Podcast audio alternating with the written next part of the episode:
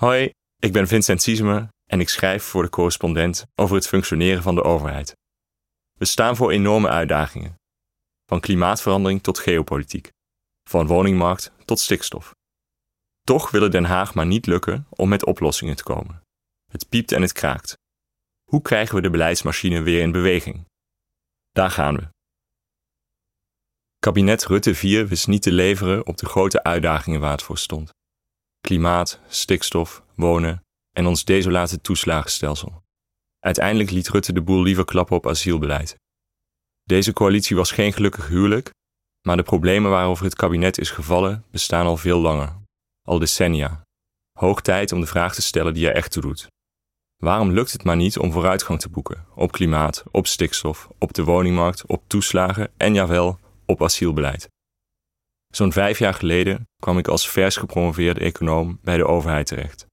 Het zal je misschien verbazen, maar het was met gemak de beste werkplek die ik ooit heb gehad. Van buiten zien die ministeries er een beetje saai uit, in hun brave kantoorgebouwen, versierd met degelijke donkerblauwe logo's. Maar aan de binnenkant puilen ze uit van unieke kennis over allerlei complexe onderwerpen. De mensen die er werken doen dat met een missie.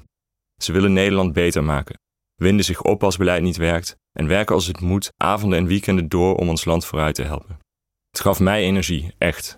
Ik meen het. Ben je op zoek naar zingeving in je leven? Ga werken bij de overheid. Toch piept en kraakt de beleidsmachine in Den Haag. We staan voor grote uitdagingen, van klimaatverandering tot de opkomst van China, van een gebrek aan woningen tot een overschot aan stikstof. Hele ambtelijke legers zijn ermee aan de slag, maar oplossingen komen nauwelijks van de grond. Met ons klimaatbeleid halen we de doelen niet, het landbouwakkoord is geklapt en de woningbouw neemt nauwelijks toe. Hoe komt dat? In vier jaar bij de overheid, grofweg van het klimaatakkoord tot en met de coronacrisis, heb ik veel geleerd over waar en waarom Den Haag vastloopt en over hoe het anders kan. Om die reden vertrok ik een jaar geleden bij de overheid om een denktank te beginnen, het Instituut voor Publieke Economie. Daar werken we net zo goed aan de grote uitdagingen van deze tijd, maar dan buiten de beleidsmachine. Met ons onderzoek, bijvoorbeeld naar een alternatief voor het toeslagenstelsel, richten we ons op de lange termijn, voorbij de waan van de dag. We zijn onafhankelijk en onpartijdig, niet langer anoniem en verborgen in een ministerie. We gaan actief in gesprek met beleidsmakers, politici, opiniemakers en journalisten over onze bevindingen om zo de democratie te versterken. Maar er is meer dan een denktank nodig om de beleidsmachine weer in beweging te krijgen. Als we een beter functionerende overheid willen, moeten we scherp krijgen waar het nu misgaat. Laten we beginnen bij deze drie grote problemen. Het eerste probleem: de korte termijn wint het van de lange. De problemen van vandaag zijn niet van gisteren. Al voor mijn geboorte was een teveel aan stikstof een politiek probleem. Op de middelbare school, zo rond de eeuwwisseling, vulde onze aardrijkskundeleraar al hele lessen met klimaatverandering. Vanaf 2009, aan het einde van mijn studie, viel de eurozone bijna uit elkaar door een crisis in Griekenland, met een jarenlange economische crisis tot gevolg. Rond die tijd werd ook het ministerie dat over ruimtelijke ordening ging afgeschaft. Woningbouw zou wel aan de markt overgelaten kunnen worden en begon de woningbouw te kelderen. Aan wie de taak om die grote problemen op te lossen? Politieke partijen zijn daar steeds minder toe in staat. Tweede Kamerleden hadden in Nederland altijd al minder medewerkers dan parlementariërs in andere landen. En hun werk is alleen maar moeilijker geworden. De zetels in de Kamer zijn over een hoop partijtjes verdeeld, waardoor de fracties kleiner zijn. De grotere Kamerfracties van vroeger konden zich zogenaamde backbenchers veroorloven, die nog de tijd hebben om zich echt in een onderwerp te verdiepen. Een partij die veel zetels heeft, heeft ook meer geld voor ondersteuning of een wetenschappelijk bureau. Leden van al die kleine fracties moeten dus zonder doen. Dat blijft behelpen. Dat er zoveel partijen zijn, betekent ook dat de onderlinge concurrentie toeneemt. Terwijl de mediacyclus in het internettijdperk alleen maar sneller is geworden. Dus gaat de aandacht uit naar overleven in dat politieke landschap en minder naar het uitwerken van concrete voorstellen. De bal ligt dus bij de ambtenarij, mijn oude collega's. Maar die worden door de politiek meegezogen in de maalstroom van wat op dit moment belangrijk lijkt, niet wat op den duur belangrijk is. De laatste rel, het laatste schandaal, de krantenkoppen bepalen het werkritme. Met ieder relletje moet de ambtenarij aan de slag. Kamervragen beantwoorden, kamerbrieven schrijven, bewindspersonen uitleggen wat er wel en niet kan, ik hoorde laatst van een oud directeur-generaal: ik was wel 90% van mijn tijd kwijt aan het weghouden van shit. Hoe krijgen we weer aandacht voor de lange termijn? Het tweede probleem. Belangen gaan boven de inhoud. De tweede reden waarom beleid maken moeizaam gaat, laat zich het best samenvatten met een ambtelijk werkwoord: afstemmen. Het dagelijks bestaan van de ambtenaar bestaat uit overleggen en schaven aan Microsoft Word-documenten waarin in alle kleuren van de regenboog track changes zijn achtergelaten. Zo bemoeien verschillende ministeries, directies en afdelingen zich met het beleid. Al deze onderdelen van de overheid houden rekening met de wensen van politieke partijen, maar ook van vakbonden, werkgeversorganisaties en andere belanghebbenden.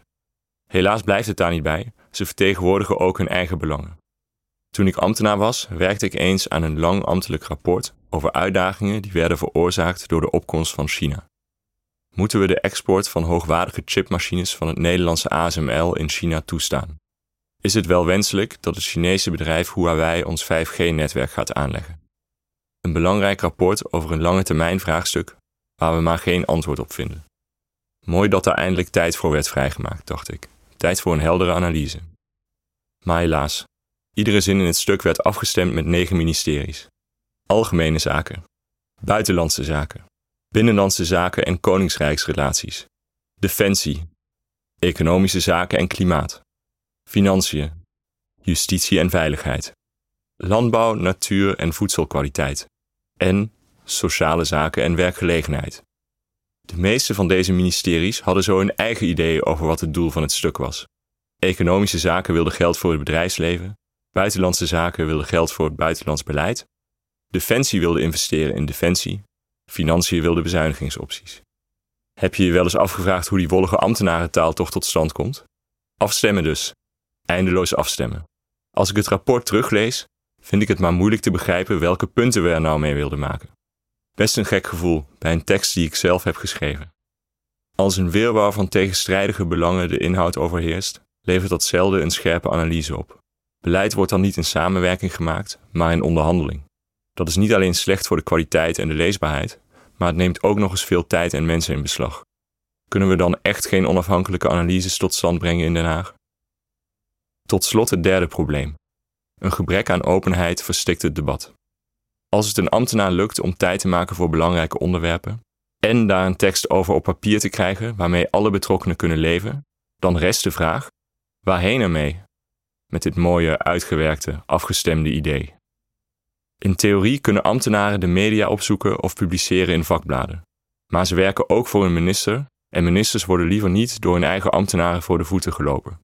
Dus zitten de mensen die het meest van een onderwerp weten, wat uitvoerbaar is of wat legaal is of wat we in het verleden alles hebben geprobeerd, vaak hoofdschuddend te luisteren naar berichtgeving van de media waarin al hun kennis ontbreekt. Dat weet ik, want ik was er zo een. Ik moet denken aan de rekening courant maatregel. Een goed voorbeeld met een saaie naam. Sommige ondernemers leenden jarenlang geld van hun eigen bedrijf zonder het ooit terug te betalen. Zo kregen ze belastingvrij inkomen, vele tientallen miljarden. Na lang, lang treuzelen kwam het kabinet met een voorstel om dit probleem aan te pakken.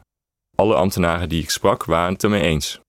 Maar tijdens het debat over deze maatregel was er los van het kabinet geen enkele voorstander meer te vinden.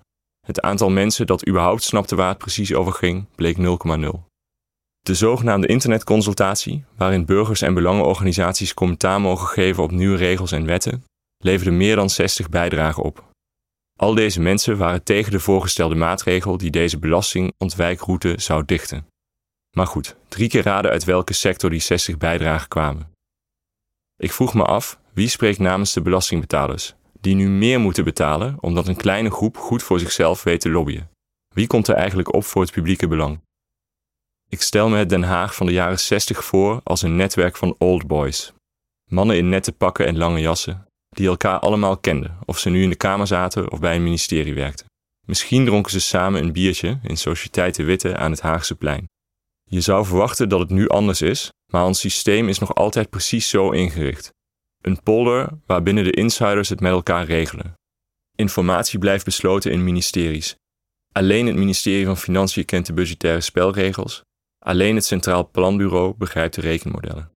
De coalitiepartijen kijken onderweg mee Pas als men eruit is, krijgt de rest van het land te horen wat het is geworden. De discussie over de grote lijnen wordt dus nooit in het openbaar gevoerd. Ideologische strijd is een zeldzaamheid geworden. Simon Cooper schreef eens: Francis Fukuyama's theorie over het einde van de geschiedenis lijkt in Nederland zo waar uitgekomen.